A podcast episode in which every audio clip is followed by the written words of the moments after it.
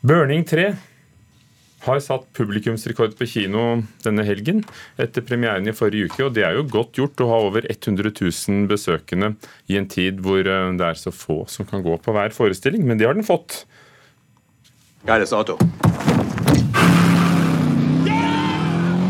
Det er all grunn til jubel for gjengen bak filmen Burning 3.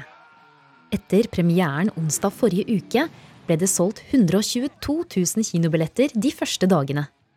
Det betyr en førsteplass på kinotoppen. Dette er en veldig bra åpningshelg.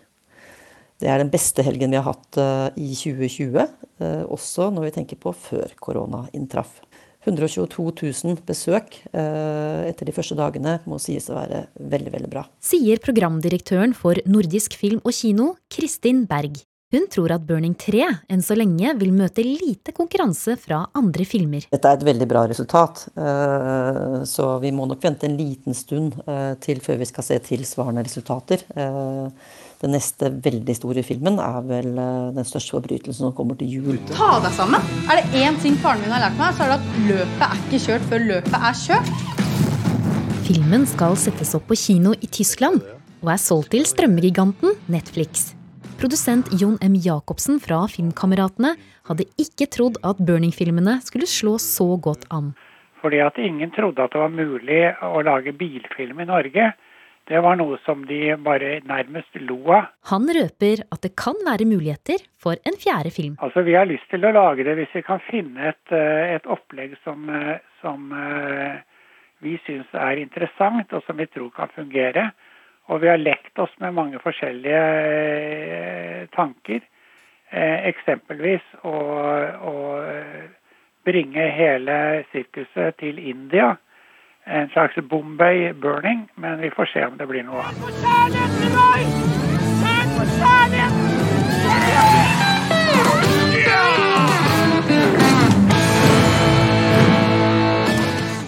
Reporter Linda Marie Fedler. I eh, november er det 50 år siden forbrente rester av en kvinne ble funnet i Isdalen ved Svartediket i eh, Bergen. Mysteriet om Isdalskvinnen er fortsatt ikke oppklart, men eh, teoriene er mange og spennende nok til å fylle flere podkaster og TV-serier, og nå også en teaterforestilling. 29.11.1970 går drapsalarmen hos politiet i Bergen. En far på søndagstur med sine to døtre har gått rett på liket av en sterkt forbrent kvinne liggende i en steinur i Isdalen utenfor sentrum. Vi kjente at her var det lukt av brent lik, og det var Det var jo ikke noe hyggelig syn. Her hørte vi fra forestillingen 'Røyk over Isdalen' på Den nasjonale scene, skrevet og regissert av Aslak Mo. Skuespillerne vi hørte var Reni Gossan Folgerød og Knut Erik Engemoen. Og teaterkritiker Karen Frøsland Isdøl, dette høres ut som noe kjent for oss, en NRK-produksjon med samme tematikk? Ja. Isdalskvinnen? Yes, det stemmer. det. det er faktisk, altså Denne forestillinga er faktisk bygd rundt NRK sin TV-serie og da òg senere podkast 'Gåten i Isdalen', der et NRK-team jobba for å komme til bunns i saken, prøvde å snu hver eneste stein for å nærme seg et slags svar da, på denne gåten. Eh, og i teaterforestillinga så følger vi en småbarnspappa gruppa som, som kommer over denne nettserien og blir helt hekta og glemmer alt annet i sin da, jakt på et svar. Hvordan er dette løst på scenen? Der er scenografien faktisk veldig viktig for å holde publikum inne i forestillinga. Den er gjort av Mari Hesjedal, og det hun har gjort, er at hun har satt opp en stor skjerm på hele bakveggen der åstedsbilder og nye bilder og spor og artikler og funn vises hele veien. Så det er sånn at du blir holdt inne, intensiteten holdes oppe gjennom alle disse bildene som vi hele tida ser så har hun òg lagd en modell av Isdalen, altså Svartediket og Isdalen, og faktisk Dødsdalen, som det stedet der denne kvinnen ble funnet, heter. Og den modellen er veldig Det er akkurat som du føler at du er med på en etterforskning sjøl, når du får alle sporene når du ser en modell. Det er veldig fint gjort altså, for å holde publikum inne. Og så har du i tillegg til denne småbarnspappaen, så har du to skuespillere som har alle de andre rollene. Eh, der går eh, skjerf og hatter av og på, og det er stor intensitet og stor veksling i situasjonene. Så det holdes liksom opp av et uh, høyt tempo i forestillinga og et godt samspill. Og jeg tok meg sjøl i å tenke at disse her to skuespillerne her, det er akkurat som de har fått Isdalskvinnen sin egen koffert. Den var jo full av parykker, for her fyker ting eh, av og på hele tida. Teater fra virkeligheten, altså. Ja. Men er det sånn at man får eh, noen uh, nye løsninger presentert her? Nei, det vil jeg ikke si. Ikke mer enn det som er kjent, eller det du sjøl kan lese deg til. Og det er kanskje hemskoen òg, da, med denne forestillinga. Det er virkelighetskrim i teaterform. Og den følger NRK-konseptet langt på vei. Jeg tror mot at denne gåta skal bli forsøkt løst. Men forestillinga er egentlig best når den er full av muligheter og full av spor og full av teorier som vi kan leke oss med og, og, gå inn i. Mens lufta liksom, den gjenger litt ut av ballongen når det plutselig ikke er noe mer å hente, er noen flere spor. Og da henger hele forestillinga på hovedkarakteren, denne småbarnspappaen Aksel men han har ikke de bygd ut i denne forestillinga. Han er bare en sånn grå figur som vi ikke veit noe om. Historia om Isdalskvinna knyttes ikke an til hans eget liv. Altså Det han gjør, er han sitter i saccosekken sin foran TV-en eller på do på natta og følger med og prøver å løse saker. Men hvem han er, hvem han er rundt seg, hvorfor det er viktig for han dette her, det får vi aldri grep om. Og da faller det litt mot slutten. Og, og den slutten på selve forestillinga blir heller ikke så overraskende, fordi det er liksom den eneste mulige løsninga de presenterer. Alt i alt, da, er det en god forestilling? Altså, Den er underholdende, og langt på vei så er den både morsomt og smart løst. altså. Så må jeg jo si at jeg har virkelig sansen for at Den nasjonale scenen i Bergen fortsetter å sette opp lokale historier fra Bergen og fra Vestland. Og det, det er så kjekt i seg sjøl. Det håper jeg virkelig at de aldri slutter med. Takk, teaterkritiker Karne Frøsland Nistell, og hele anmeldelsen ligger selvfølgelig på nrk.no. Det er samisk språkuke.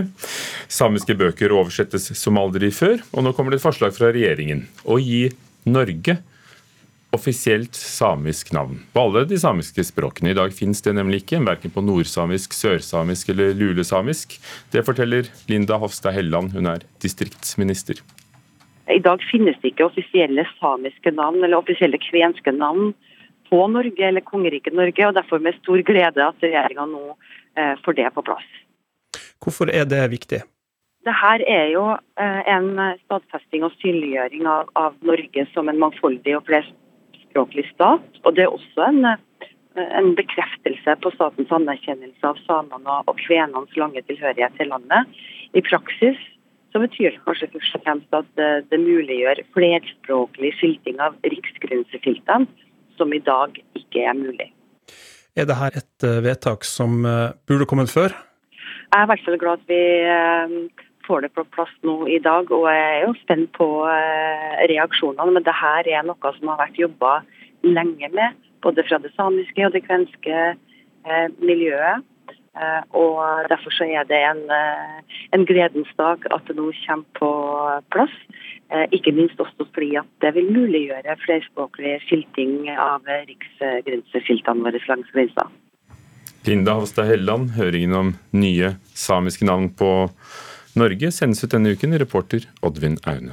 De eh, siste sju årene har tallet på oversatte bøker fra samisk eh, økt med hele 90% viser tall fra Sametingets bibliotek. Dette kan være redningen for det sørsamiske språket, som er klassifisert som alvorlig truet på Unescos liste over truede språk.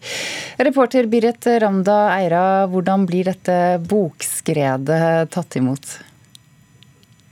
Ja, i forbindelse med den samiske språkuken jubles det selvfølgelig høyt for det. Man anslår at det er under 1000 mennesker i verden som behersker det sørsamiske språket, som er i en veldig sårbar situasjon. De som gjør at man bl.a. får lese Donald Duck på sørsamisk, er sørsamiske ildsjeler som brenner for det sørsamiske språket. Eh, bitte små forlag som oversetter bøkene. og Hanne Lena Wilks, du er daglig leder ved det sørsamiske språksenteret Gjellem Naset i Snåsa. Hvordan blir dette tilbudet tatt imot? Jo, har, eh, vi får veldig gode tilbakemeldinger, så tilbudet blir tatt veldig godt imot. Og med at en jobber på dette viset for eksisterende bøker som vi oversetter til sørsamisk, så gjør det jo at vi får produsert mye flere bøker. Selvfølgelig trenger vi egenproduserte bøker òg, men eh, på dette viset så blir det jo flere bøker raskere. Kan dette bidra at flere unge kan ta tilbake det alvorlig truede språket? Det er i hvert fall et viktig supplement til det arbeidet med å ta tilbake språket. For eh, En behøver jo mye tekster, en behøver mye forskjellige tekster med ulike tema. For det er jo med å få utvikle ordforrådet. Så gir det jo en status til at vi har eh, ja, at vi får mye bøker på sørsamisk. Og hvilke bøker er det som eh, oversettes? Ja, det er alt fra prinsesser til dinosaurer og drager. Det kan være fotballtema, om traktorer. Men så er det òg her eh, gode, gamle klassikeren av Anne Kast Vestli, klubbøkene. Så har vi Bjeiengeite og Gullekjåtsle, som er som tema som er nært vår kultur. Så Det er det som er det fine, at vi får et veldig vidt spekter. Og selv om dette er barnebøker, så er det jo for alle aldersgrupper. Også voksne har glede av å lese disse bøkene. Og så må vi heller ikke glemme det her, alle her oversetterne da, som gjør en fantastisk jobb.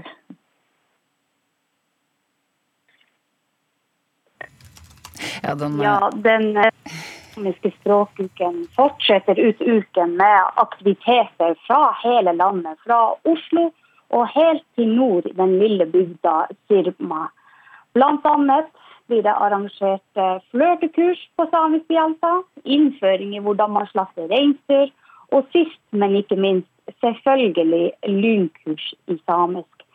Som dere hører, en eh, meget variert språkuke der, altså.